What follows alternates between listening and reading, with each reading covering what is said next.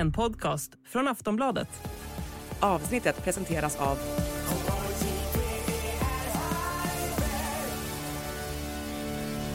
Stödlinjen.se, åldersgräns 18 år.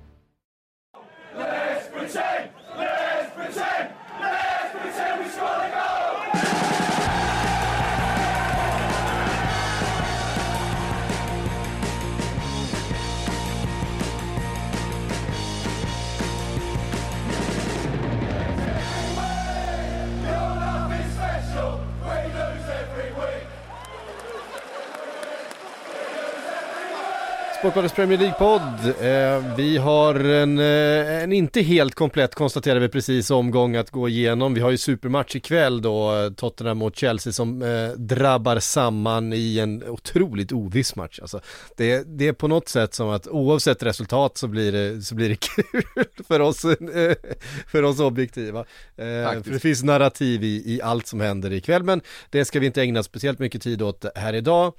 Frida, vi måste ju vi måste ju börja med helgens absolut argaste människa, eh, Mikael Arteta. Jag vet inte om jag någonsin har sett en så arg fotbollstränare efter en match som, som han var. Han, han var ju redo att, att lämna landet, kasta eh, hela sin tränargärning rätt ner i havet och, och eh, flytta hem och supa ner sig på, liksom i Spanien.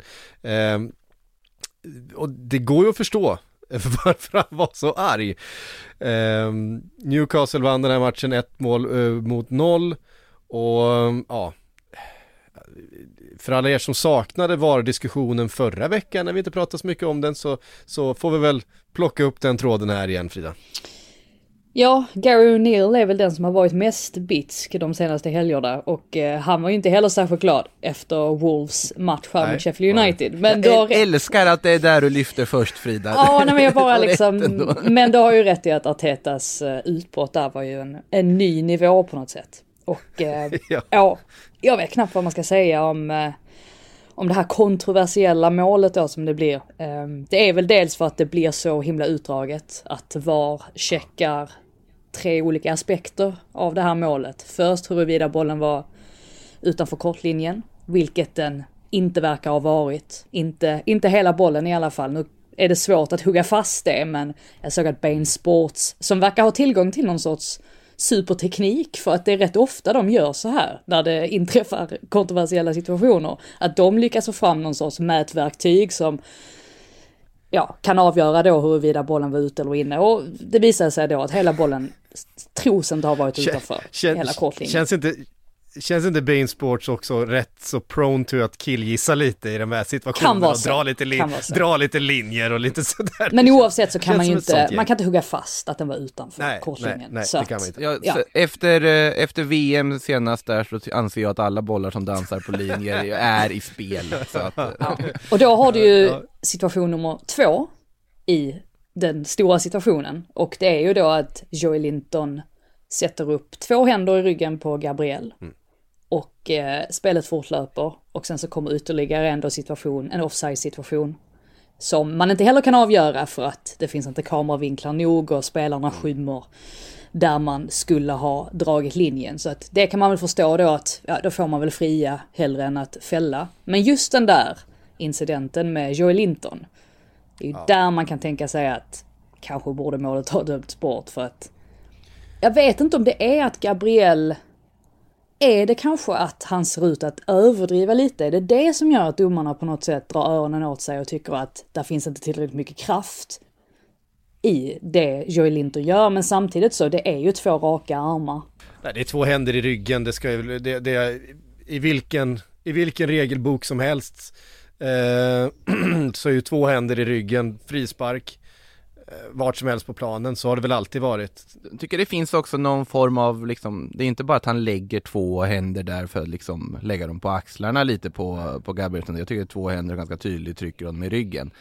Det som man dock måste på något sätt lyfta i det här, i Artetas ilska där han vill, ja, avsäga sig sin liksom brittiska tillhörighet efter 20 år i landet och han skäms över att ha bott här och allt vad det var.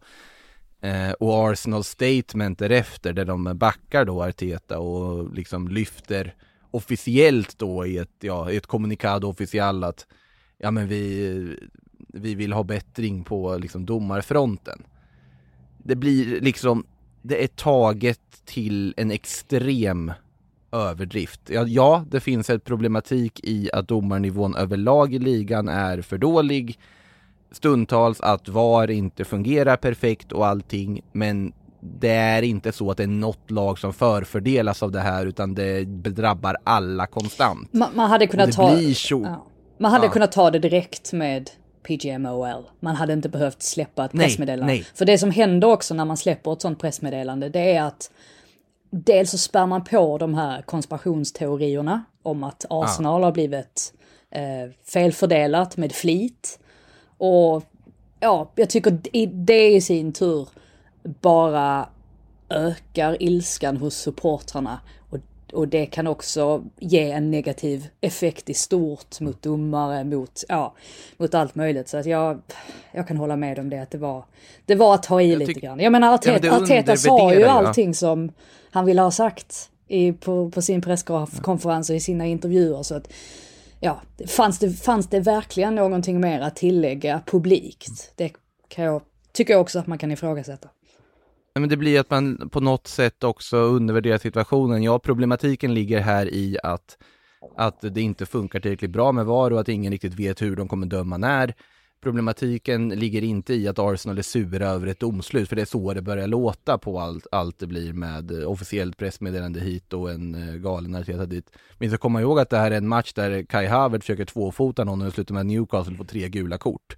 Så att det, det finns inte någon form av konspiration på att något lag får fördelar för en annat. Det här drabbar alla och det, har, det finns inget, inget sån bias någonstans heller. Och det är det som är tråkigt när det blir en sån diskussion. Och sen måste man kanske också backa andra lag då som utsätts för orättvisa domslut. Tänker jag. Ja, men som exempelvis när det inträffade med, med Liverpool där, ja men då kanske alla lag i, i ligan ska ja, men, släppa sin egen partiskhet och gå samman och säga att ja så här kan det inte gå till. Men Det hade pickat upp jättemycket om Arsenal släppte det pressmeddelandet när Liverpool ville ha ett omspel. herregud. Jag tyckte ja. eh, då, då var ju dessutom Arteta ute och, och, och tyckte att nej men domarna måste, du vet, man måste ge dem utrymme att göra sitt jobb och att man måste, man måste förlåta när det blir fel och det, det, eh, det har ju många som har delat just de citaten från den situationen. Ja, men det blir, det blir ju det att den liksom viktiga diskussionen försvinner i att all, alla bara reagerar när det drabbar deras lag och absolut, människor funkar så och det finns väldigt mycket känslor inblandat och alla vill vinna fotbollsmatcher. Och det är såklart, det finns inte något mer frustrerande säkert för en tränare än att känna att ja, vi gör en bra match, vi förtjänar mer men vi förlorar på det här. Ja. Men, Nej, men- det blir, det är svårt att ta det seriöst. Ja, och det är ju fortfarande så här, och det, det, det som händer här i den här matchen är ju eh, att en att domaren har varit, det är liksom ett, det, det är en bedömningsfråga, domaren har gjort en, vad man verkligen kan anse vara eh, en, en svag bedömning, men det är fortfarande bedömning. Subjektiv Det finns ju bedömning. andra, eh, det är en subjektiv bedömning, det finns ju andra situationer och det är absolut Liverpool, eh, Tottenham, där var det liksom systemet som fungerade. Jag tycker fortfarande att det, vi ska komma ihåg eh, Sheffield United mot Aston Villa från eh, 2020 när, när Hawkeye, alltså goal line technology inte funkade och de hade en boll över linjen, bevisligen över linjen, som inte dömdes för att domaren väntade på en signal som han aldrig fick.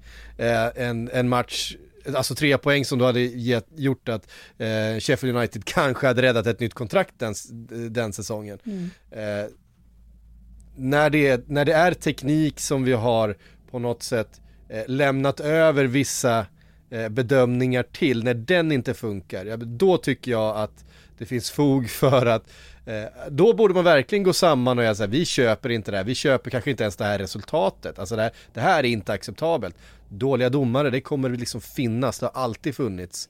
Eh, det har däremot inte alltid funnits teknik som förstör för eh, för lag. Jag- jag- Man måste skilja på de här sakerna och i det här fallet är det faktiskt en dålig domare som vi, eh, Ja. vi diskuterar. Det finns, Eh, det finns gott om det finns gott om dem höll jag på att säga. Sen så en sak vi kommer komma in på den matchen långt senare. Men eh, om jag nu får ta upp Gary O'Neill igen. Så Ja, var, ju han, var ju han oerhört upprörd av att återigen få en, en straff emot sig där i slutminuterna mot Sheffield United. Det var Fabio Silva som eh, var på lite grann på en motståndare. Och han menar ju på då att, alltså Gary O'Neill tycker att det här är inte straff. Där finns inte tillräckligt med kontakt i den situationen för att det ska leda till straff. Och han hade tydligen haft ett samtal med domaren efteråt, de hade sutt, suttit ner i omklädningsrummet, de hade tittat på situationen. Domaren hävdade fortfarande att det var straff. Gary O'Neill med all sin erfarenhet, han tyckte inte att det var straff. Så att där ser man också att precis som du är inne på, ibland är det subjektiva domslut. Sen å andra sidan så, jag såg att Daily Mail, de hade pratat med Mark Clattenburg som ju är deras eh, domarexpert som brukar uttala sig när någonting sånt här sker. Och han tyckte att målet borde ha dömts bort så att ja, domare tycker ju också olika på något sätt. Men eh, ja, det är svårt att göra alla nöjda. Ja, onekligen. Om vi tittar på matchen då, det var en, en, stökig match, det var ganska grinigt. Nu är alltså Newcastle inte... Arsenal och inte Sheffield United Exakt, Wolves. vi, vi ja. går tillbaka till Newcastle. Men, ja, och en som kommer eh, lindrigt undan, måste man också tillägga, det är faktiskt David Raya som är ute och, och flänger han, och far av i ja, den situationen. Verkligen. Jag fattar inte riktigt vad han gör rent positionsmässigt. Han, han hade också kunnat göra det bättre. Mycket, ja, def, definitivt. Verkligen. Han, han är ju helt felplacerad vid målet. Mm. Um, men som sagt, du var inne på Kai Havertz, hans tackling där som bara blir gult. Eh, Bruno Gimarais var inblandad i situationer. Ja, där har vi också en situation i det med eh, det, var, där, ja. det, det, var, det var grinigt, eh, inte super välspelat kanske, men otroligt mycket känslor på, på planen. Alltså underhållande på det sättet, mm. eh, verkligen. Och jag tycker inte att, att 1-0 till Newcastle kändes orättvist på något sätt eh, som, som slutresultat. Jag kan nog tycka att Newcastle ändå var det bättre laget i den här matchen sett över 90 minuter. Alltså det var ju inget skönspel på, på något sätt. Alltså det var ju ingen match där man kände att wow, eh, här flöt spelet på. Men det man kan säga det är ju att Newcastle, dels måste man hylla dem för hur de har hanterat alla de här skadefrånvarorna och andra frånvaron också som de har drabbats av de senaste veckorna. Och att de också såg till att stänga ner, ja egentligen blir det ju Arsenals enda vapen när vi tänker oss att Martin Ödegaard är borta och Gabriel Jesus är borta. Att stänga ner kanterna då med Gabriel Martinelli och Bukayo Saka, då har du kommit en väldigt lång bit på vägen. Och det var ju exakt vad Newcastle gjorde. Och där visar de också, alltså spelarna, hur de är villiga att lägga ner det jobbet som krävs. Jag tänker då på Trippier till, eh, han spelade ju högerback fram tills eh, Dan Burn klev av skadad, att han hade understöd från Almiron som klev ner och hjälpte honom att dubbla upp på Martinelli. Samma sak på, på andra kanten där, att de hela tiden var två. Det var Anthony Gordon som ofta tog jobbet hem och såg till att dubbla upp på, på Saka. Och Saka som dessutom har, han har ju varit lite sliten de senaste veckorna. Han har spelat väldigt mycket och haft den här lilla känningen också som säkerligen har hämmat honom. Så att nej, Arsenal hade inte så mycket att komma med då. Alltså om vi tänker oss också att Ödegård är en väldigt viktig del av Arsenals kreativa spel. Eh, så att det gjorde Newcastle väldigt bra och det ska de ha en stor eloge för verkligen. Eh, just med tanke på alla, alla bortfall. Alltså den där Trippier, eh, det är ju kanske inte någon raketforskning jag ska uttrycka nu liksom, men han är bra alltså. Det är eh, otroligt imponerad över hur, vilken extremt hög nivå han, eh, han håller för tillfället i mer eller mindre varje match han spelar. Prickade verkligen rätt med den värvningen när de inledde det här projektet de håller på med, med just Kieran Trippier. Ja, eh, nej men han är ju han är en av världens bästa högerbackar. Eh, det, det, är inget snack. Jag tycker också att han har haft den här förmågan att eh, att lägga saker till sitt spel under sin karriär. Han lärde sig saker i Spanien. Han, har, eh, han kom med, med ett skillset från Tottenham. Eh, vi visste att han var, var stark offensivt. Han hade det där fina tillslaget framförallt eh, på ett som vi pratar så mycket om att han, att han kunde ta den här bollen liksom i steget. Eh, men i, i, i, Spanien la han till liksom dimensioner till sitt spel och här i Newcastle har han vuxit ut till att bli en, en ledare verkligen. Mm. Eh, en, en, eh, en lagkapten med allt vad det innebär som ju de lägger väldigt mycket vikt vid i, i eh, England har blivit en, en så viktig spelare för, för Newcastle. Eh, det är imponerande, uh, hela hans, hans karriärsresa och egentligen utan att ha tappat något utav, utav de styrkorna. Han är fortfarande mm. fantastisk offensiv, han har fortfarande det här tillslaget, han är en poängspelare, stark defensivt. Um, men den här ledartypen, den spelaren, det var ju inte den spelaren han var i, i Tottenham alls. Um, Ett par år med Cholo kan göra underverk, så är det. Men, men, men, verkligen, han har ju lagt till ett försvarsspel eh, under de åren i Atletico Madrid som han inte hade innan. Nej, det är eh, inte en helt fel karriärresa heller. Börja i Tottenham som frejdig ytterback, ner till Atletico Madrid, lära sig försvara, bli, en, bli lite grisig, lära sig de sidorna av spelet, flytta upp och bli en eh, liksom en, en bärande seniorspelare i ett eh, friskt satsande Premier League-lag. Det är väl en, en, en, en eh, fin resa han har gjort. Eh, och Newcastle, viktiga poäng då för dem. Eh, tre poäng för att och, eh, ta in det där lilla eh, poänggapet som har blivit efter eh, ganska, ganska svag inledning på säsongen får man säga med deras mått mätt. De ska ju vara med där uppe och slåss om topp fyra positionerna. Eh, knappar in då på Aston Villa som eh, lite skrällflorade får man ändå säga. Är det dit vi tar oss nu alltså? Ja men det, det, det blev så. jag gillar den segwayn. Ja. Helt plötsligt var vi till Nottingham. Det blev så. Eh, det var inte min tanke egentligen men nu, nu det blev så.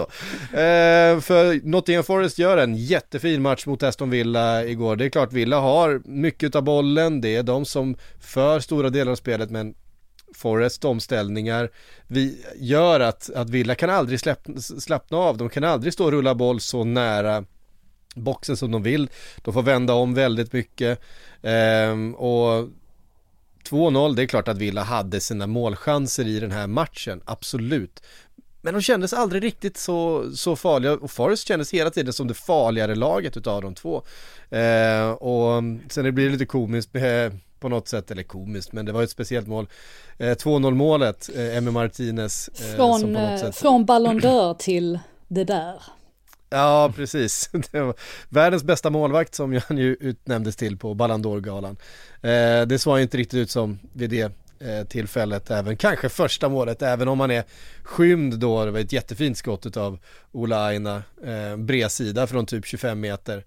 Eh, och han är väl skymd av egna spelare i första hand. Det var väl en, eh, en offside fråga i alla fall där, men det är hans egna spelare som skymmer honom. Men en jättefin match av Nottingham Forest och eh, tre poäng som tar dem upp på, ja, en bit upp i tabellen och Forest kommer ju liksom eh, inte vara inblandade i någon eh, bottenstrid. Det, är ju, det slår du fast nu alltså? Det slår jag fast nu på en gång. Ja, det har ju, jag tycker de ser, jag tycker de, de ser alldeles för bra ut. Ledningen har ju varit lite nervös ändå eh, på sistone med tanke på att resultaten inte riktigt har, eh, har gått med dem. Deras senaste seger ja, e- efter den här då mot Villa var ju faktiskt mot Chelsea och det var ett bra tag sedan men mm. jag tycker att Steve Cooper får mycket rätt i den här matchen och Verkligen. det var ju någonting man kunde ha invändningar mot i mötet med Liverpool att han kanske var lite för uh, cynisk, lite för pragmatisk att han skulle ha gått för det lite, lite mer. Han blev mer. feg där, han, ja, han, han blev feg, feg där. Ja, det var, det var fegt, men i den här matchen så får han allting att stämma och dels det här då om att han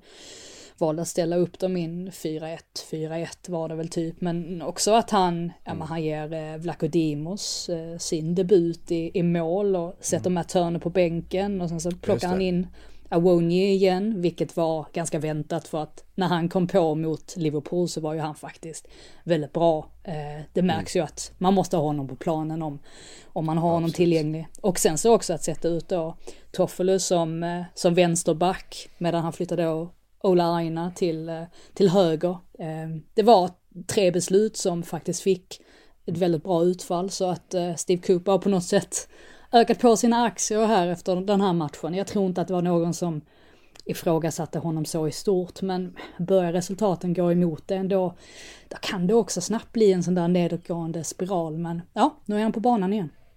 Mm, rätt, rätta mig om jag har fel, men det var väl till och med snack om att Toffolo inte skulle få plats i den registrerade truppen inför säsongen efter, med tanke på liksom konkurrensen och mm. invärvade ytterbackar och allting. Och här får han ju tacka inför förtroendet åtminstone med dubbla assist också, gör det ju bra i övrigt med.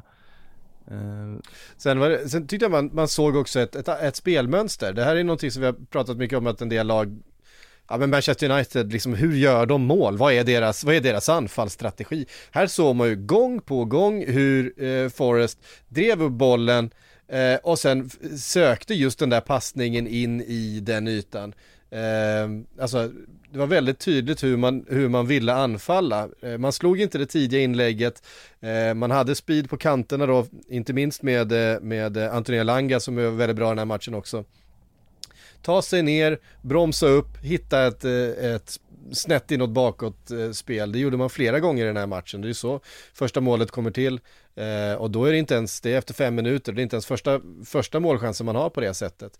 Ehm, så tydligen har man läst att det uppstår eh, luckor i sättet som eh, Villa då eh, i sina defensiva omställningar och utnyttjar det.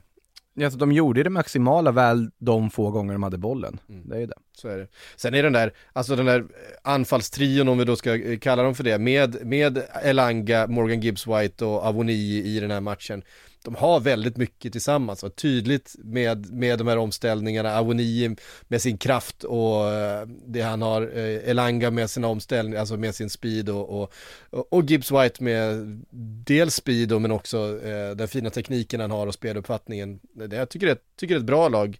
Eh, Sangare jätteviktig i defensiven i, den här matchen. Ett fint mittfält de har. Jag gillar ju eh, Nico Dominguez också och sen eh, med Mangala och Sangare. De har köpt ihop ett väldigt, väldigt intressant och fint mittfält måste jag säga. Mm. Ehm, äh, imponerande. Samtidigt ett Aston Villa som vi har hyllat ju under den här säsongen. Ehm, får inte uträttat egentligen någonting i den här matchen tycker jag. Eh, jag vet inte, Olly Watkins han springer på allt och Diaby eh, men det vet var som att bollarna vill inte, vill inte fastna. Nej, 74 procents bollinnehav men mm. Eh, ja, de hade ju ett par heta chanser, alltså riktigt heta chanser. Men i övrigt nej, så var det ju inte deras dag alls. Nej. Eh, då tar vi oss därifrån då till eh, det laget vi nämnde som vi har ifrågasatt lite grann de offensiva eh, strukturerna. Hur ska målen komma? Manchester United på besök på Craven Cottage. Frida, du var där. Eh, vi såg väl inte direkt några offensiva strukturer fram tills att Bruno Fernandes fick in det där målet eh, på slutet och räddade han Ten Hags karriär eh, så här långt. Han förlängde i alla fall eh, hans Manchester United-karriär lite grann. Tror vi det? Ja, alltså det beror på vem du frågar för att det, det, är lite så när man, oh, jag måste hosta bara. så, förlåt. Ja men det är lite så när man pratar med Erik Ten Hag efter en match så känner man sig nästan lite hjärntvättad för att man kan själv ha haft en syn på hur matchen har utspelat sig och så pratar man med honom och så börjar man ifrågasätta sig själv och tänka att oj, ja men det var kanske inte så illa ändå som man eh, ville göra gällande. Och Erik Ten Hag tyckte ju att de att de gjorde en bra match. Eh, jag vet inte, ställde någon fråga om att, ja, ni skapar inte så många, så många chanser, men han höll inte riktigt med om det, utan han tyckte att de, de skapade chanser. Och, jag vet inte, men, men min alltså mitt intryck, alltså när man satt och, och tittade på var ju just det där som du är inne på att det inte riktigt fanns några spelmönster. Eh, att den här fronttrean då med eh, Garnacho i det här fallet för att Marcus Rashford mm. satt på bänken skadad. Eh, Anthony Höjlund. Man får inte ut så mycket av dem. Man får ju framförallt inte ut några mål. Garnacho var ju den som var piggast i den här fronttrion. Eh, sen så slog han också bort ett par ett par passningar, ett par bollar och sådär, men tyckte väl ändå att han var en, en ljusglimt. Jag menar Anton är ju helt, jag vet inte riktigt vad de ska ta sig till med honom för att... Vad ska man, precis vad ska man med honom till? Ja, vad, är, vad, vad, vad, vad, är, vad är hans uppgift kritik, liksom? Verkligen. Uh, jag såg något bisarrt rykte om att de ville byta bort honom mot Gabi Goll. Ja, precis. Uh, det tror jag lite vad jag vill på, men det är där vi är just nu i alla fall. Ja, exakt. Det har varit en förbättring. Alltså, ja, jag är osäker på det. Men egentligen, ja. alltså det det största problemet, eller det jag landar i här, eh, som väl också är Man Uniteds problem överlag, det är ju att motståndarna har ingen respekt för dem. De vet om att de har en bra chans att vinna mot Man United och det är ett problem. Alltså man tänker på nu vad Marcus Silva gjorde på mittfältet, att han eh, satte in både Iwobi och Pereira Pereira, sa jag det med det engelska, Pereira kan jag säga, mm. eh, ihop med då Palinja. Och de fick ett massivt övertag där, alltså rent mittfältsmässigt. Särskilt med tanke på att, ja men att United då valde att spela Christian Eriksen som den, den sittande mittfältaren och sen McTominay också. De hade ju ingen kontroll centralt och det hämmade de ju definitivt och med tanke på att då Fulham, eh, det ska sägas också att Fulham är inte lika, har inte sett lika bra ut den här säsongen jämfört med stora delar av förra säsongen. Eh, men de var ju hetare på omställningarna, de lyckades involvera sina yttra William och eh, Harry Wilson betydligt mer i spelet jämfört med vad Man United gjorde. Så att de hade på något sätt sina lägen och där i andra halvlek så det finns ju dessutom en period där Fulham känns som de radar upp chanser där André Onana fortsätter göra ett par vassa räddningar. Så faktumet då att Bruno Fernandes han kliver fram där i, i, slutet och det är ju på något sätt ett ögonblick av eh, kvalitet. Eh, det är tillräckligt för att plocka tre poäng. Sen övertygar inte Man United i den här matchen oavsett vad Erik Ten Hag säger. Men han nämnde också en sak där man ändå kan känna sympati för honom. Och det är ju just det här att de inte har kunnat mönstra samma startelva på väldigt länge och ja, kanske finns inte bredden där för att han på något sätt ska få ja, få lugn och Nej. ro och kunna, verkligen kunna sätta en spelidé men ja, det är ett steg framåt för Man United definitivt med tanke på de två senaste förlusterna. Men eh, samtidigt så hur länge, hur länge kommer det dröja innan nästa kris dyker upp? Det är, det är väl den man sitter och Ja, nej men det är också så här, nej men man har ändå Varann, Amrabat, Mason Mount på bänken här. Alltså spelare som har spelat, som man hade kunnat se kliva in i en startelva. Men han håller ju på att spela ihop Johnny Evans och Harry Maguire i mittlåset. Han vill ju kunna spela med samma elva kontinuerligt. Nu var ju Maguire, han gör ju faktiskt en, en stabil insats. Eh, vill bara... Maguire har varit ganska bra överlag tycker jag också, liksom när han fått chansen här måste man säga. Mm. Det var ju egentligen hans, alltså de gångerna där man kände att deras uppspel faktiskt fungerade, det var ju faktiskt hans progressiva passningar. Um, för annars mm. tycker jag det är där man på något sätt kör fast hela tiden. Det var rätt så många gånger som Wan-Bissaka fick bollen på högerkanten och så slår han upp den till Anthony och sen så, ja, så vet inte han riktigt, ska han överlappa då och ge Anthony den passningsmöjligheten? Ja men då slutar de med något halvhjärtat istället så Anthony bara slår hem passningen igen till, till André Onana. Där ser man ju på något sätt att det finns ingen riktig struktur. Eh, men å andra sidan var, jag såg en, en, ja, någon som lyfte det här också, vad är egentligen alltså Man Uniteds uh, identitet. Alltså vad vill man med ett Man United-lag? Ja, först och främst så handlar det väl om vinnarkultur, man vill bara se Man United vinna. Och ja, eh, det satt långt inne men eh, till slut så, så kom den ju och det var väl typiskt att det var Bruno Fernandes också som fick hela arenan emot sig efter typ eh, 15 minuters spel och eh, supportrarna skrek, vad, vad skrek de? De skrek fuskar och allt möjligt. Fulham-supportrar då ska tilläggas givetvis. Mm. Eh, men eh, ja, det var han som gick därifrån med ett leende på läpparna så att säga. Ja, och det var ju talande när, när Fulham-klacken började sjunga You're getting sacked in the morning. ja. Det fick de i och för sig äta upp då, men det tycker jag väl också lite talande med Bruno Fernandes. Det har ju funnits en diskussion kring hur lämpad han är att bära en kaptensbindel, vilket jag tycker är en ganska liksom skev diskussion. Hur mycket ska de byta kapten i Roy, Roy Keane-diskussionen. Ja, och där tycker jag att jag tycker väl Bruno visar just med det han gör här, varför han är lagkapten på något sätt. Det är han som kliver fram med en individuell prestation när de behöver det i det där läget. Absolut, hans kroppsspråk ibland inte det här klassiska brittiska kaptensmaterialet, men det är en ledargestalt. Det är en spelare som brinner för Manchester United som bara den och som har individuell kvalitet att kliva fram och avgöra den här typen av matcher. Men om vi tittar på det som man förknippar rent fotbolls, som säga, eh, filosofiskt med Manchester United, då, då, går man ju tillbaks till Alex Fergusons Manchester United, för det är på något sätt det som har definierat eh, det moderna Manchester United och då har det ju varit den här kombinationen utav kontroll och tempo, men framförallt det här att ha eh, stora personligheter som vinner sina matcher på planen. Det har ju varit mm. liksom eh, Alex Fergusons och en anpassningsförmåga. Alltså, ja, det, det, var liksom, eh, det var inte ett, det var inte ett, det var inte ett defensivt liksom lag som, som exploderade ut i omställningar. Det var ett lag med mycket kontroll och mycket eh, alltså dueller på planen, att, att ha kontrollen i att jag vet att Ryan Giggs vinner sin kant, jag vet att Roy Keane vinner sin centrala mittfältskamp och Paul Scholes och Cristiano Ronaldo eller vem det nu än är som har varit och jag vet att när bollen kommer in i planen så kommer eh, van Nistelrooy ha övertag på den här backen. Och, och mina mitt, alltså det har varit liksom, det, och, och där sak, det, det saknas ju helt och hållet från det här Manchester United. Fast jag tycker faktiskt Eh. just det här med omställningar, det tyckte jag, def- alltid, eller det tycker jag alltid har definierat Man United, just det här med att de har varit väldigt Mycket- skickliga alltså med, med snabba anfall, att det, det har gått kvickt. Det har de varit. Och det har ju ändå suttit i under en rätt så lång tid. Och det är fortfarande där de är som allra hetast och gör som flest mål.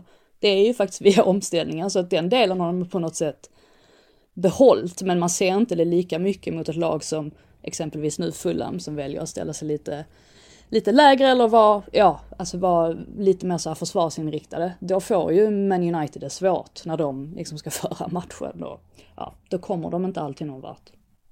Men det är, det är ju ett lag som tidigare, för jag tycker väl att liksom deras storhet under storhetstiden var just det att de kunde ju anpassa sig efter motstånd i varje match. De var inte låsta vid en viss spelfilosofi eller en viss identitet, utan deras identitet var att vi är väldigt bra på att vinna fotbollsmatcher. Ja, alltså det var ju Eh. Fergusons, alltså hans skicklighet som tränare var Precis. ju faktiskt att han lyckades, att han precis som du säger, han lyckades anpassa sig efter alla nya trender. Eh, han visste när han skulle tweaka på grejer. Han, det var ju så han lyckades hålla sig kvar på den nivån under så pass lång tid. Det var inte för att han gjorde det sin, ja men, ja, det var inte så att han följde en viss filosofi och så vägrade han vika sig från den. Helt tvärtom. Eh, så att, Och han byggde om det här laget och spelarna som kom dit, liksom, de, de fick höja upp sig till, till Manchester Uniteds nivå. Det var liksom det som var kravet, du kommer dit, ja men då får du höja dig. Det är inte att du kommer dit och sen måste du höja alla andra.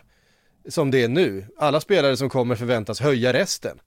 Eh, vilket är tvärtom mot hur det brukade vara. När du kommer dit, oavsett om du är det, liksom världens bästa, om du är van Persie och kommer till Manchester United och är liksom ligans bästa anfallare. Ja, du måste ändå upp, du måste ändå höja dig när du kommer dit, för det är, det är kravbilden vi har. Men det gäller inte det alla egentligen väldigt bra lag som mår bra? Att det är just så att är då, då är det ju, då funkar ju saker. United idag är inte ett lag där saker helt och hållet funkar. Det här, absolut, de tar tre poäng här nu och då ska man väl vara liksom lite mer sparsam med kritiken som vi annars brukar eh, kasta ur oss här mot dem. Men samtidigt, Samtidigt- känns ju det här som precis samma sak som Sheffield United-segern, samma sak som andra, Köpenhamn-segern. Vi ska komma ihåg att under, den här, under den här veckan då, sen vi spelade in senast, så har man ju också eh, åkt ur ligacupen mot Newcastles B-lag. Eh, och varit fullständigt utspelade eh, i, i den matchen. Eh, så Alltså, att, ja, det, eh, det, det så. främsta problemet här över. det är ju trots allt, alltså, det är det centrala mittfältet. Alltså hur man ska få till den Mm. balansen, särskilt när Casemiro då är borta. Eller om Casemiro är ur form, som vi ändå har sett det till viss del under den här säsongen. Och att front, fronttrion måste börja leverera. Alltså så är det bara, de måste börja göra mål. Eh, alltså får man rätt på de två aspekterna i spelet, då har man ändå kommit en väldigt lång bit på vägen. Var Marcus Rashford skadad? Ja, det tror jag nog. Ja, det, det tror jag också han var, men det blir något, det var också liksom just Jag vet när vi spelade in Premier League-program förra veckan tyckte du sa det bra Frida, just det här med att, ja men vadå, han måste väl få liksom han, Det var ett liksom vanligt event, han gick, han kom på träningen dagen efter, det här är väl ingen grej. Sen gör ju på något sätt Ten Hag ändå en grej av det här som är helt överspelat när jag säger it's unacceptable. Eh, Och så plötsligt så är Rashford skadad och in, inte på plan och det blir så Ja. konstigt, det skapas liksom ett problem som inte borde finnas där Han väljer ju att ta, alltså han, så här skulle man väl kunna säga det, alltså holländare är ju väldigt raka i sin kommunikation. Det vet man. Alltså det, det spelar ingen roll om man så är fotbollstränare eller ja, en helt vanlig arbetare. De är alltid väldigt raka i sin kommunikation. Och det funkar inte alltid jättebra att vara på det sättet i England för att engelsmän är inte alls på det sättet generellt.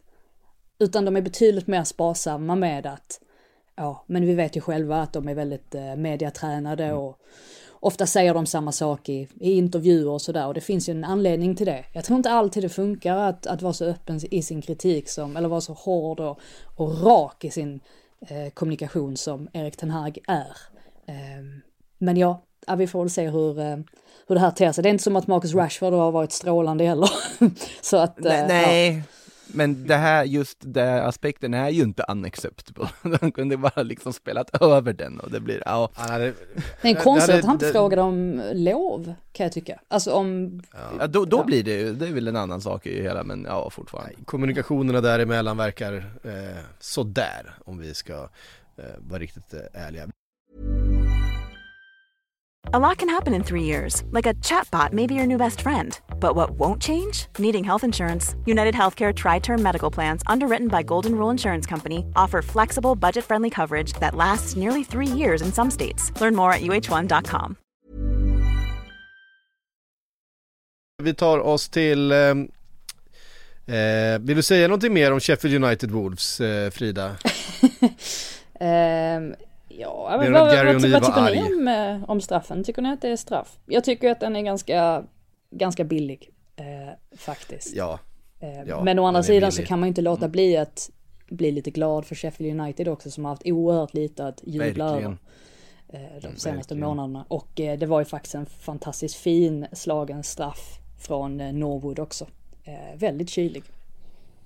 Det, det kan vara de tre mest välbehövliga poängen vi har sett den här säsongen med tanke på hur de har inlett den där säsongen, The Blades. Så det är man väldigt glad för deras skull framförallt att de får lite medstuds och uh, får med sig en seger och kanske ändå kan, kan försöka visa åtminstone att de inte har tänkt bara lägga sig platt och åka ur.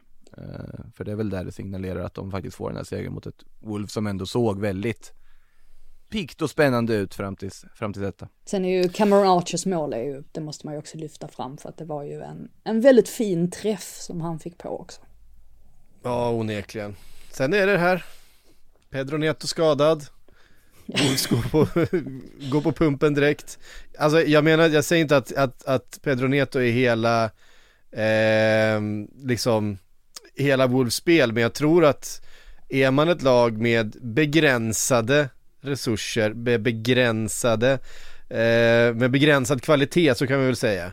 Eh, så det är klart att det påverkar resten utav laget eh, i vad man eh, ja, i självförtroendet helt enkelt och med Pedro Neto på planen så har man känt att man har haft en nyckel att låsa upp vilket lag som helst. Även om man är tillbakapressad, även om man eh, hamnar under eller hamnar efter eh, eller om man ställs mot ett väldigt lågt försvar som i det, i det här fallet. Eh, och så saknar man det. Och eh, ja, ja då, då kan det gå så här. Sen måste jag säga, Fan, gjorde bara en säga någonting också. om, eh, om Fabio Silva för att ehm, han var ju verkligen helt knäckt efter det. det här. Ehm, alltså den här straffsituationen. Av förklarliga skäl, för det har ju inte riktigt blivit som han hade tänkt sig. Han har ändå varit där ett, ett tag nu och han är fortfarande ung och lovande men har ju inte lyft på något sätt. Eh, hans karriär i Wolves så att, ja, jag vet inte, vi får se vad, vad framtiden ger med. Men än så länge så har han inte övertygat och eh, ja, jag tror han kände lite grann själv också att det var ytterligare en sån här gyllene chans som försvann iväg från honom i den matchen. Det är väl inte helt otänkbart att se honom eh, iväg på ett nytt lån här till vintern va? Efter att ändå PSV-lånet blev väl ändå någorlunda lyckat får man väl säga med. Han gjorde några mål där och så vidare. Eh, kanske bra med en till lånesession istället för nu blir det väl svårt att ta plats också. Kaladzic är ju tillbaka. Eh, kul att se honom på plan igen överlag tycker jag och det, är- det är ju en spelare de har lagt mycket pengar också på. Som de har stora förhoppningar på även om hans liksom bidrag nu blir något år sent i och med långtidsskadan förra säsongen. Så är det. Eh, vi tar oss eh, från eh, den nedre halvan hela vägen upp i toppen. Där hittar vi Manchester City. Som eh, gjorde processen ganska kort med Bournemouth, men det var inte de, eh, vad ska man säga, de vanliga The usual eh, suspects. Ja, the usual suspects, de vanliga eh, organisatörerna. Eh, men Jeremy Doku, vilken start han har fått i den ljusblå tröjan och han gjorde ju fan vad han ville i den här matchen. Det kändes som att allt, allt, han, allt han gjorde blev eh, lyckat framgångsrikt och dessutom mål. Ja, jag är fascinerad över hur snabbt hans nerver släppte, för jag tyckte ändå att det, det har jag nämnt många gånger i den här podden känns det som de senaste veckorna, men hans debut där mot Fulham så tyckte jag ändå man såg att han var lite nervös. Men eh, sen var det som att allting bara blåstes bort rätt så snabbt. Och det är ju reagerade på en sak som Pep Guardiola sa på sin presskonferens efter matchen också, att Doku ska vara väldigt ehm, eh, väldigt enkel att eh, ge instruktioner till, att han plockar upp saker väldigt snabbt. Och det märker man ju. Annars kommer man inte in i Premier League så här fort som han, han har gjort. Och återigen, han bidrar med någonting annat jämfört med Jack Grealish. Han är den här som kan utmana, eh, han kan gå både på, på insidan och utsidan, vilket är en, en eh, ja, oerhörd fördel som ytter. Och eh, i den här matchen handlade det ju väldigt mycket om honom. Sen tycker jag att man borde ge en shoutout till Bernardo Silva också som inte var lika, han drog inte lika mycket trådarna som han gjorde i derbyt mot Man United, men han är fortfarande väldigt signifikativ i matchen. Och eh, ja, har man sån här bredd i truppen som Guardiola har och det här med att han ändå byter ut rätt så många spelare och eh, vinner med 6-1 mot Bournemouth. Det, det säger mycket om eh, Man City. Sen får vi väl se hur det är med Erling Haaland. Eh, han fick väl, åkte väl på en liten smäll där va? Mm. mm. Ja det är väl lite frågetecken till nästa match här. Sen är det ju ett ganska passande landslagsuppehåll som kommer. Eh, så att han får väl vila upp sig om det är så att han inte är tillgänglig för att, för att spela med norska landslaget. Det får vi väl se men eh, jag är otroligt imponerad av eh, Doku måste jag säga. Eh, alltså han kändes som att han lite hade stagnerat. Nu kanske det är för man har sett för lite renn under de senaste åren. Men efter då han slog igenom där för belgiska landslaget i, det var väl EM där va? Som han var så otroligt bra där från bänken och kom in och förändrade matchbilder och sånt. Eh, ryktades till Liverpool allt möjligt då också ju. Mm. Men att jag är lite förvånad när City la så mycket pengar på honom här och nu som ersättare till eh, Mahrez på något sätt. Men han har ju kommit in och varit, ja, extremt snabbt Alltså vilka dragningar! Alltså det, det är ju, det är sällan man ser en spelare Eh, alltså det är klart vi har haft Sen Maximan och så vidare som, som har de här dribblingarna i sig men som inte kanske eh, levererar så många poäng som eh, man, man hade kunnat förvänta sig. Här är det ju dels det är dribblingar och surfinter, han gör ju två mål och tre assist i den här matchen så att det ger ju dessutom poäng och han har ju gjort poäng i, i känns som varenda match eh, Manchester City har spelat den senaste tiden. Och här kommer vi ju då in lite på det vi var och touchade förut just att hur det funkar att komma till ett lag som mår bra. Mm. Att han då liksom snabbt akklimatiserar sig till en en vardag och en träningsmiljö och en matchmiljö där allting fungerar.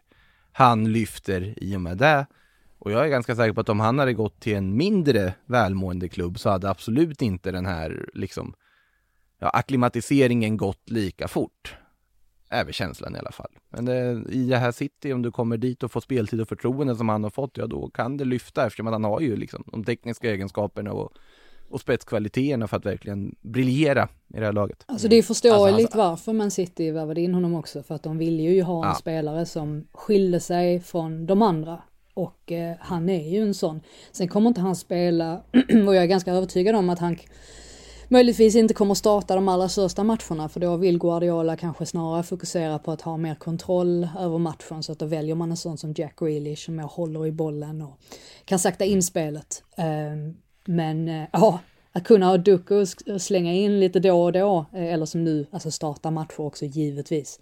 Jag menar det är ju en, en fantastisk tillgång, särskilt när man möter lag som kanske står lite lägre och man måste på något sätt eh, hitta en större variation då i sitt anfallsspel. Eh, nu hyllade ju Guardiola Bournemouth för att de försökte trycka upp och försökte spela, men ja, det slu slutade inte så lyckligt.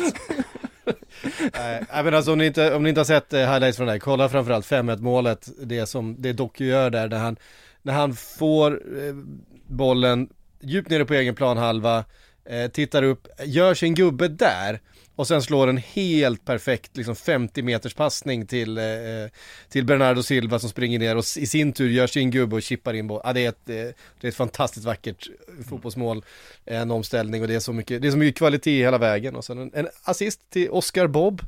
Eh, Just Oscar Bob kom in och gjorde assist. Ja, visst. Det är namnet alltså. Ja. Ja, det är roligt. Fantastiskt.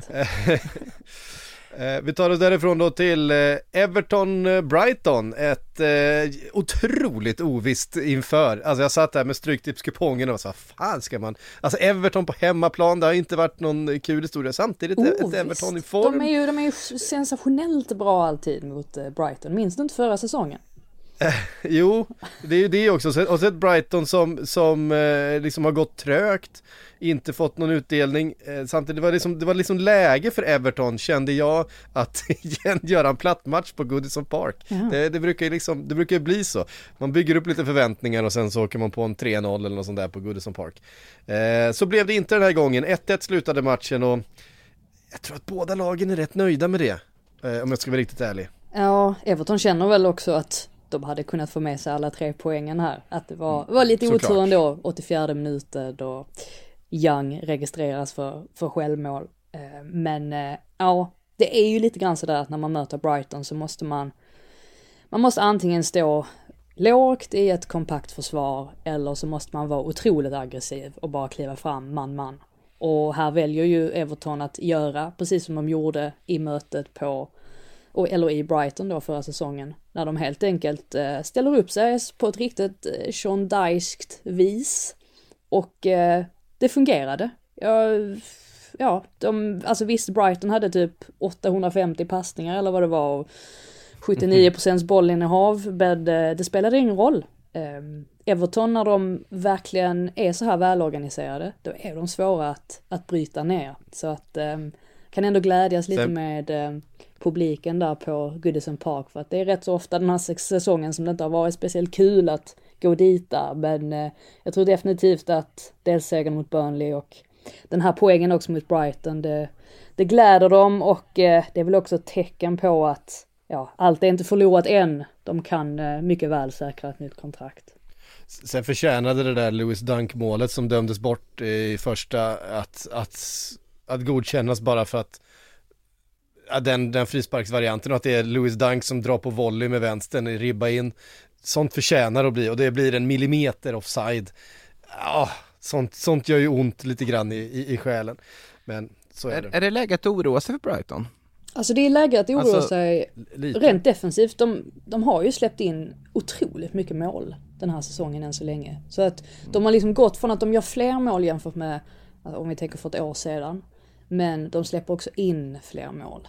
Så att på något sätt så kan man tycka att Roberto de Cherby borde kanske ändå hitta en, en liten, eh, lite bättre balans mellan de båda. Eh, För att ja, man kan, man kan inte riktigt släppa in så mycket mål i, i Premier League. Nu kommer de ju ändå, tror jag, de kommer väl ligga där resten av säsongen. Men med tanke på då att de, också har Europaspel och att det är rätt så uppenbart att de inte har en tillräckligt bred trupp för att klara av att slåss på båda fronter så gäller det på något sätt kanske ändå att se till att täppa igen lite där bak för att, eh, ja, som sagt, de släpper in väldigt mycket mål. Ja, ehm, och gör man då inte fler framåt som ju har varit Brightons problem eh, i alla tider känns det som. Så Som sagt, de har gjort väldigt många mål. Eh, alltså de har gjort fler mål det. den här säsongen. Alltså vid det här de skedet brukar. jämfört med förra säsongen. Men eh, ja. så är det. Det finns en så fin segway du kan dra nu här Cirk. Till nästa match. Jaha, För vi, det finns ju en man som gjorde mål den här helgen. ja, vem tänker du? Kopplat till ett visst Brighton, när de inte kunde göra så mycket mål. Neil Mopé. Neil Mopé gjorde mål för Brentford, så är det. Men vet du vad problemet Eh. är? När Neil Mopé gör mål så är han inte så bra i resten av matchen. Man måste, man får, det är antingen eller. Antingen så välja gör han inte mål och är strålande överlag. Eller som nu, han kanske inte, har, kanske inte gör så pass stort avtryck. Det, är- det är grejen. Jag är väldigt glad att han firade med Sälen. vilken, vilken Neil Mopé är du idag? Vilken dag är din Neil Mopé då? Eh, nej, det, det är första målet för, eh, för säsongen va? Eh. Säsongen, för, alltså på, vad är det, 45 matcher eller någonting sånt i. Modern tid. Ja. Eh, han har varit så nära. Och han borde ju gjort det förra veckan då när han passade istället med, med 100% öppet mål. Eh, det var, eh, han har inte haft självförtroendet. Kul match för övrigt här, Ja. måste man ju säga. Och Jag West Ham som har... Nej, Nej, nej, nej, det förstår jag väl i och för sig men. Eh, ett West Ham som har, som har eh, kommit ur sin, eh, sin fina form här lite grann. Det, jag vet inte, det, det ser lite, det ser lite, den där bristen på Declan Rice tycker jag börjar lysa igenom. Det ser lite, lite tunt ut centralt eh, stundtals. Framförallt måste de väl kunna försvara egen box när det kommer in inlägg Ja, jag tänkte precis säga det. Det var ju det som var det primära problemet i den här matchen. Alltså att de, alltså i luftrummet var de ju katastrofala. Eh, och det kan man inte vara mot, mot Brentford. Ja, det går för lätt för dem helt enkelt att, att göra mål. Jag tycker att det är ganska okaraktäristiskt för ett Moise-lag också, att man är så pass dålig Mm. i luftrummet. Sen ska ju tilläggas att Kurt Zuma saknas i den här matchen och han är väl deras starkaste spelare i luften. Så är det ju Men, absolut. Eh, nej, det var, eh, jag menar, Mavropanos eh, har väl, jag har väl en speciell relation till honom men eh, ja det där självmålet var, eh, det var inte snyggt om man säger så. Eh, det, Snyggt. Ja, det, det borde ha varit betydligt mer kraft i den där nicken så att den hade gått över eh, ribban. Så att där fanns definitivt, definitivt mer att begära. Men en sån som Mohamed Kudus till exempel ger Ja, ju West. Ham en kreativ sida. Som vi Det var ett lätt och sett. ledigt avslut. Ja, Ah, vi har inte riktigt sett det tidigare ju. Alltså att de har kunnat ha ha den, ja, den möjligheten att integrera den spelaren. För att man tänker sig väl också att David Moyes är en sån tränare som kanske inte riktigt uppskattar den spelartypen. Men nu börjar Kudus ta för sig så att jag tycker ändå att det finns, finns bra sidor till West Ham. Men i det här fallet så blev det uppenbart vad deras svaghet var. Ja, eh, verkligen. Nej men som sagt, det, det brukar inte släppas in mål på det här sättet eh, i West Ham och det är väl lite det jag menar, det, det såg det såg inte sådär tungt och stabilt ut som, eh, som det brukar göra. Sen var väl Ben Rama blev rasande på Ant äh, Anthony, på, äh, han kan inte få skulden för det här också, Antonio menar jag. äh, Där äh, han tyckte väl att Antonio skulle ha släppt äh, bollen där, att Ben Rama kom i ett betydligt bättre läge där vid äh, bortre stolpen. Och äh, det kan han väl ha rätt i, jag tror att Ben Rama hade gjort mål där faktiskt. Men äh, cred också till, äh, till Brentford som verkligen har kommit på banan eller kommit på fötterna igen och 16 poäng och 9 i tabellen med eh, ja, en trupp som på pappret inte är sådär ögonfallande så att eh, all heder till eh, Thomas Frank för det. Mm. Boom och återigen där och lurar i samband med liksom inläggslägena och, och vändningen där då också. Han är inblandad i mycket alltså. Flexibility is great. That's why there's yoga. Flexibility for your insurance coverage is great too. That's why there's United Healthcare Insurance Plans. Underwritten by Golden Rule Insurance Company, United Healthcare Insurance Plans offer flexible, budget friendly coverage for medical, vision, dental, and more. One of these plans may be right for you if you're, say, between jobs, coming off your parents' plan, turning a side hustle into a full hustle, or even missed open enrollment. Want more flexibility? Find out more about United Healthcare Insurance Plans at uh1.com. Luton!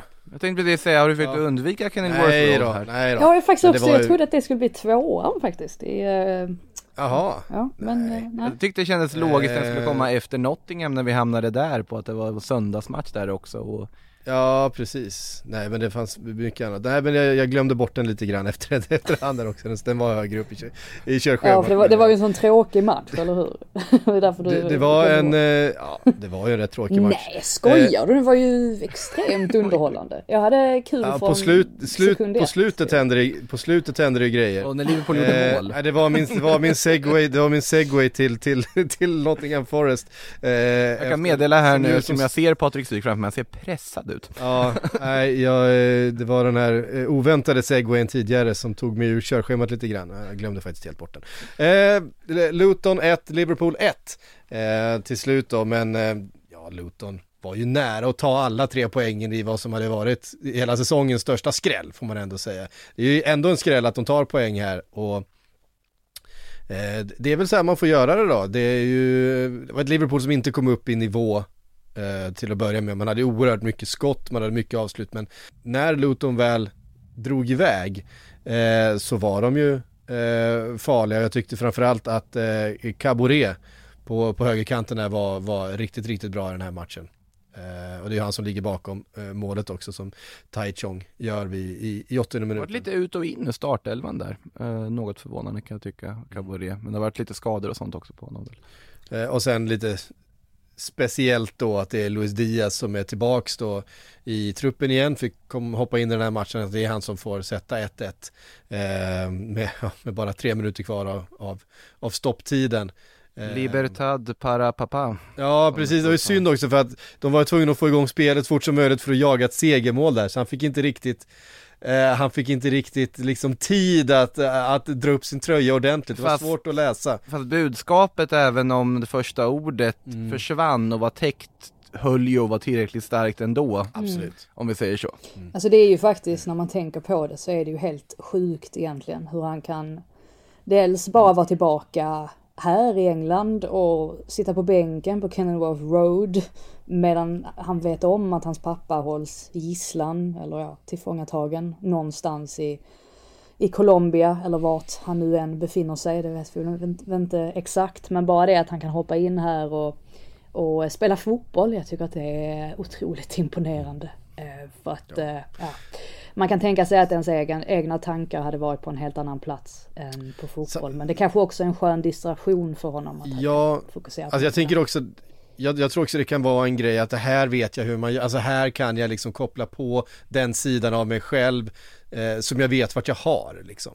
Han, eh, alltså jag, jag, jag, tror att det kan eh, eh, betyda ganska mycket att bara få komma in och, och vara med och göra det som, alltså att det finns en vardag att, att förhålla sig till. Eh, Men också den, alltså just faktumet att i ett sånt läge ändå känna att ja, vi måste ta bollen för att jaga ett segermål och att liksom absolut, absolut självklart ska det budskapet på tröjan visas i det här läget, men att han ändå är i platsen så pass att han jag inte sliter av sig den helt och får ett eh, osmakligt gult kort. Det har vi sett förut när spelare har fått när de sliter av sig tröjan för viktiga budskap och får gult kort på grund av att domaren läser regelboken.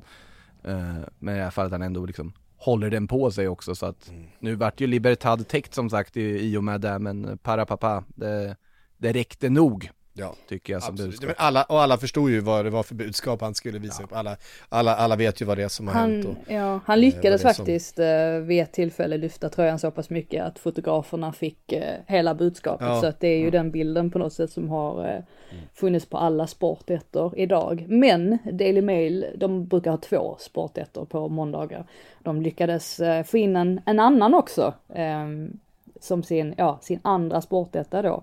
Och det var eh, Darwin Nunez eh, enorma miss som de kallar eh, för, ja, miss of the season. När han, ja helt enkelt bommar öppet mål. Det var, ja, det... Men det gjorde han väl mot Toulouse nyligen också? ja, det... Det var en nazist. Ja, det här var, ja, där, där kommer han gräma sig, eh, så att säga. Men eh, det är väl lite han så också, när man, när man tänker på Darwin Nunez så tänker man ju på en spelare som har så otroligt mycket potential, nästan hela paketet, men att han ibland gör sådana här grejer. Eh, ja. Rätt ofta. Om man ska vara riktigt ärlig. Ehm, ja, nej så är det ju och det, det var jag menar, det är den missen men det är också ett Liverpool som har otroligt mycket bollinnehav och, och skapar tillräckligt mycket eh, för, att, för att göra mer än ett mål i den här matchen. Men det, det ville inte, det studsade inte dit den här gången. Eh, Luton, och jag tror att... Luton är ju faktiskt ett bättre lag än vad, vad jag trodde på förhand, definitivt. Alltså Absolut. innan säsongen Än vad alla trodde på förhand. Ja, mm. än vad alla trodde. Och dessutom så har det tagit ganska lång tid för dem att få respekt eh, från utomstående. Men nu tycker jag verkligen att man måste konstatera att Luton är faktiskt ett bra lag. De har mycket fart också i, i sitt mm. anfall och det var väl anledningen till att Klopp bestämde sig för att spela Joe Gomez till vänster just det där med att han kände att nej, här måste vi nog ändå ha, ha lite respekt och jag tycker att det säger väldigt mycket om, eh, om Luton faktiskt och att de kommer nog se till att ställa till med en hel del oreda, framför allt på hemmaplan för att den atmosfären på Kenilworth Road det är ja, det är någonting alldeles extra faktiskt.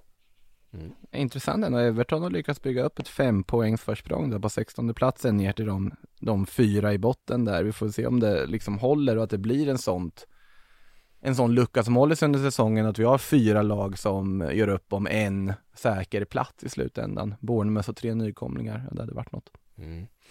Eh, verkligen. Vi har en match kvar på eh, körschemat och det är den mellan eh, Burnley och Crystal Palace. Jag undrar hur ofta Crystal Palace är sist i mitt körschema. Det känns som att det är varje, ja så har vi den där Crystal Palace-matchen eh, också som vi, som vi ska redovisa. Men grejen är att Palace gör en rätt bra säsong så här långt. Det är 2-0 här. Eh, man är uppe på tionde plats, man är liksom en poäng före West Ham till exempel som vi har hyllat i, eh, i, i omgångar.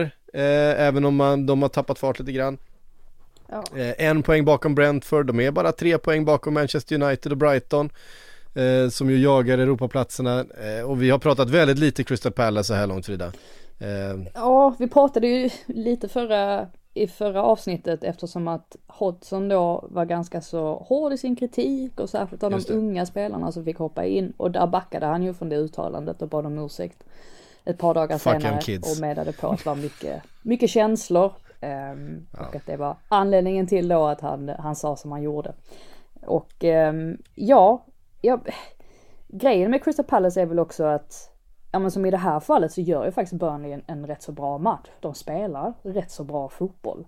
Men det räcker ändå inte för att det är Crystal Palace som är effektiva, de tar vara på sina chanser, först med slupp och sen det andra målet kommer ju väldigt sent i matchen, det var väl typ 94 minuten eller någonting sånt. Men precis som du säger så de, de, hänger, de hänger, hänger i trots alla de här skadorna också som de har haft och sådär och jag tror väl att en tionde plats i tabellen, det är nog där vi kommer hitta dem.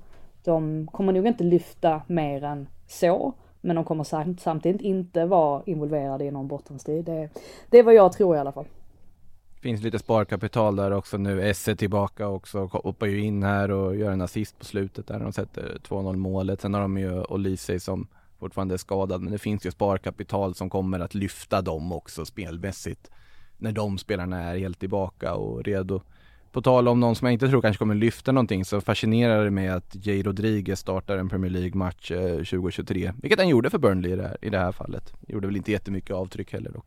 Eh, vi kastar in lite frågor, eh, precis då kraschade min eh, eh, webbläsare här när jag skulle läsa eh, de som jag hade. Det var ju perfekt. Eh, bara flika in för att eh, jag sa ju en grej här i förra avsnittet om Arsène Wenger som upprörde vissa, inte jättemånga, men en, en del som hörde av sig och undrade vad jag, vad jag pratar om. Ehm, och jag fick ju gå tillbaka då och lyssna på avsnittet och det kanske är tredje gången jag lyssnar på den här podcasten eh, på egen hand och det är en fruktansvärd upplevelse bara det, att höra sin egen röst. Och sen kan jag hålla med om att sättet jag sa det på, för att jag sa ju rakt, alltså ordagrant så sa jag att Wenger inte var en speciellt bra tränare. Och eh, jag kan förstå att eh, det kanske kan tolkas på det viset då, att jag menar att han inte är en speciellt bra tränare, alltså rakt av så.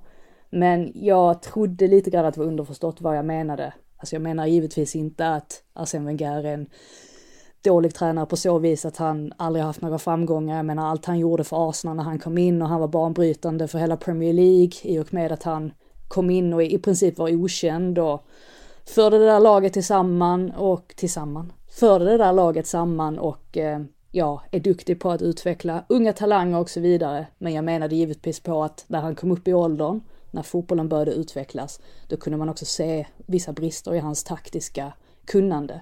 Och det är inte det, är inte det att jag baserar detta på mina egna åsikter rakt av, utan det är framförallt på vad hans tidigare spelare har sagt om honom som tränare.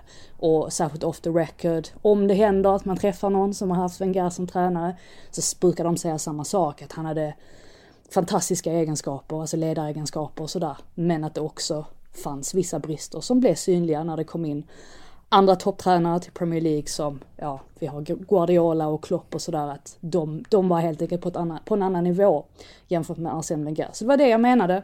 Jag menade inte att han var fullständigt värdelös och jag är väldigt svag för Arsene Wenger i stort. Så att, eh, vill bara förtydliga det. Mm. Jättebra, nu har jag fått igång min webbläsare också. Så Ja, att, eh, vad skönt. Jag, jag bara körde en mon- monolog, ni har ingenting att, eh, ni, ni har ingenting att tillägga. Det är Nej, bara, ja. jag, in, jag instämde med varenda ord faktiskt. Nej, men, nej, men jag, jag håller med Men ni, just först, för- ni jag vet- förstod ju vad jag menade, alltså ni fattade ju Ja precis, det var därför, för jag, för jag hörde ju när du sa det där och tänkte vänta lite nu, men sen jag förstod ju precis vad du menade. Ja. Eh, så. Men det var, ingen- ibland det så ingen uttalar, så när man säger saker så, så tänker man att det låter inte så svepande. Men jag hörde ju på min röst att jag lät ju faktiskt ganska arrogant när jag sa det där. Vilket också gjorde mig lite så här, eh, ja, illa berörd för jag kände usch, är det så jag låter emellanåt när jag liksom ge- lägger fram mina utläggningar, utläggningar. Så att, bara så att ni vet så, eh, ja. Det lät Folk- arrogant men jag menade inte så. folk behöver någonting att uppröras över också. Det. Ja. Ehm, Så länge de upprörs över rätt saker. Och i det här fallet så var det ju, behövdes det kontext kanske då. Ja, Ja. exakt. Eh, vi eh, börjar med eh, en fråga om VAR, tänka sig. Eh, det är väldigt mycket frågor om VAR som ni har skickat in. Eh, Jonas Fjellstedt skriver, det var någon som nämnde att VAR fungerar ypperligt för rugby. Varför är det så dåligt i Premier League?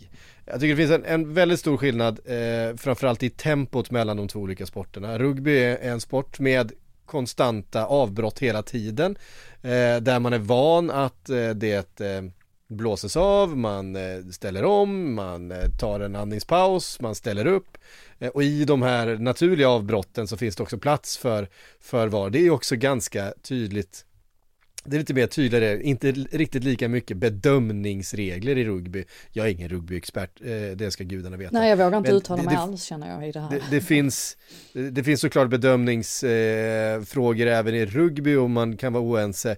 Men det är ändå mer av typen, eh, mer binärt med 1-0, antingen så är det där rätt eller inte, antingen så har den där bollen passats framåt eller inte, det går att avgöra. Men framförallt tror jag det är för att spelet som sådant är mer upphackat utav avblåsningar och, och, och att man liksom startar om spelet flera gånger, vilket har varit ett stort problem för för fotbollen där man säger vi vill inte förstöra liksom eh, spelets liksom rytm och, och, och det som är liksom matchens flöde om man säger så.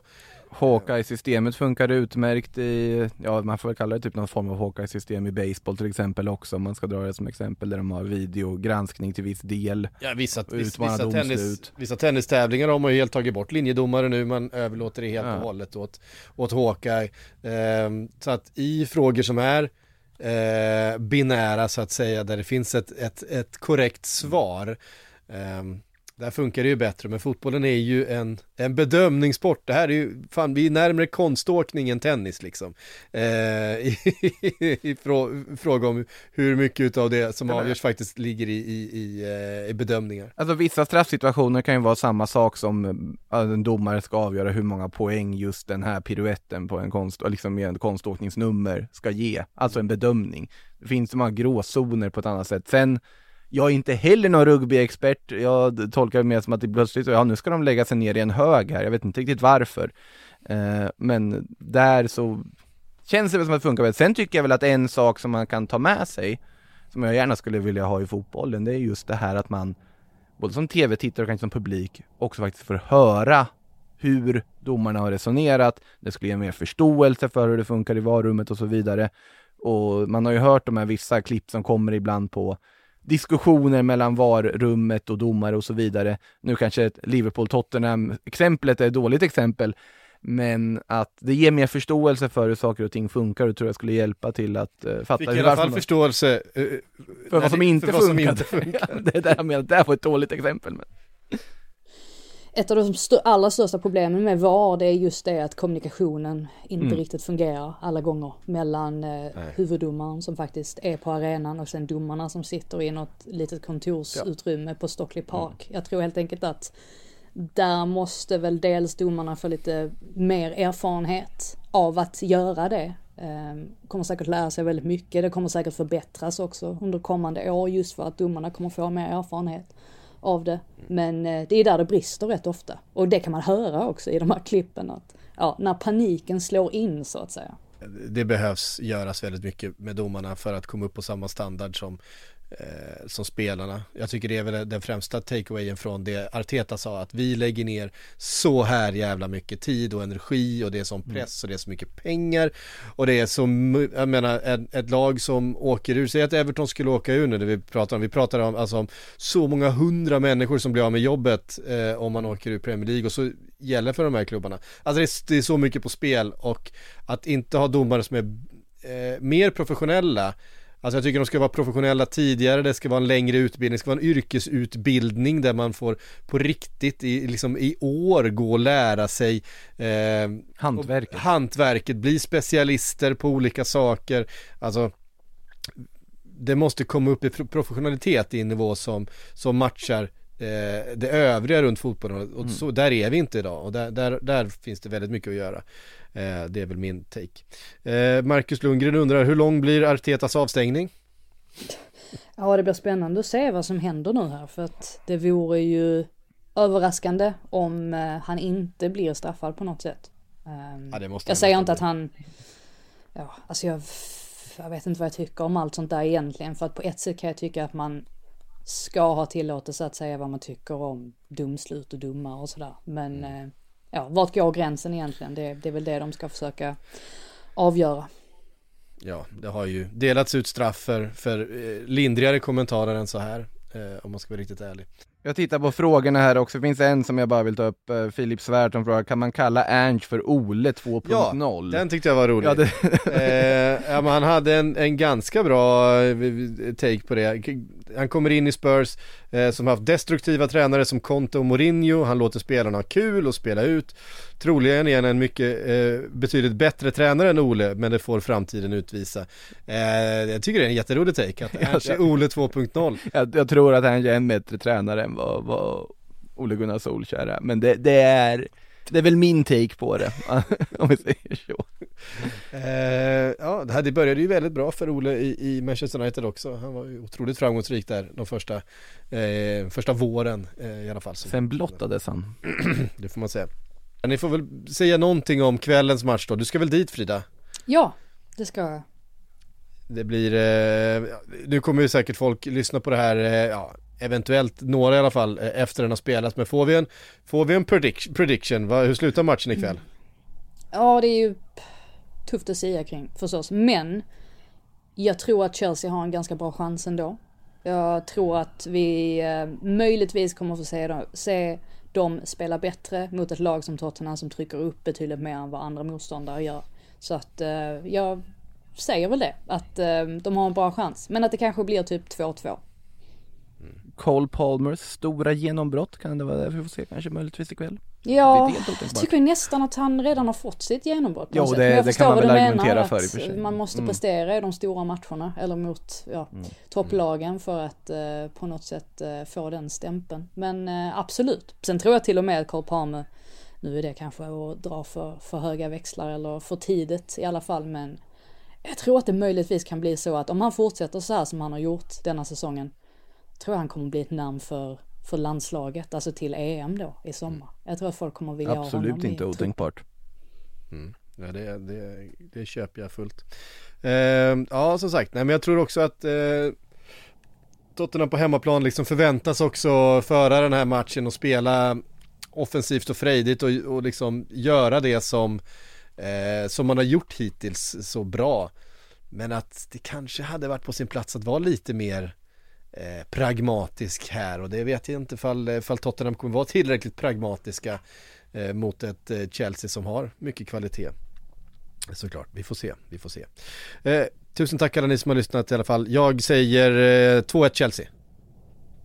Ska jag också säga någonting? Ja, säg någonting. Eh, jag säger väl, okej jag sticker väl ut hakan och säger att Spurs faktiskt eh, fortsätter på inslagen väg, de vinner med eh, 2-1. Ja men du säger 2-1 Chelsea, 2-2, 2-1 eh, Tottenham. Ja, eh, bra spridning, det har vi helgarderat. Det har vi inte jinxat någon i alla fall. Eh, ja, det är fint. Hörrni, alla, tack alla ni som har lyssnat. Vi Overdraft fees are just the worst. Get up to 200 in fee-free overdraft with the Chime checking account. Sign up today at chime.com slash goals24. Banking services and debit card provided by the Bancorp Bank N.A. or Stride Bank N.A. Members FDIC. Spot me eligibility requirements and overdraft limits apply. hörs om en vecka igen.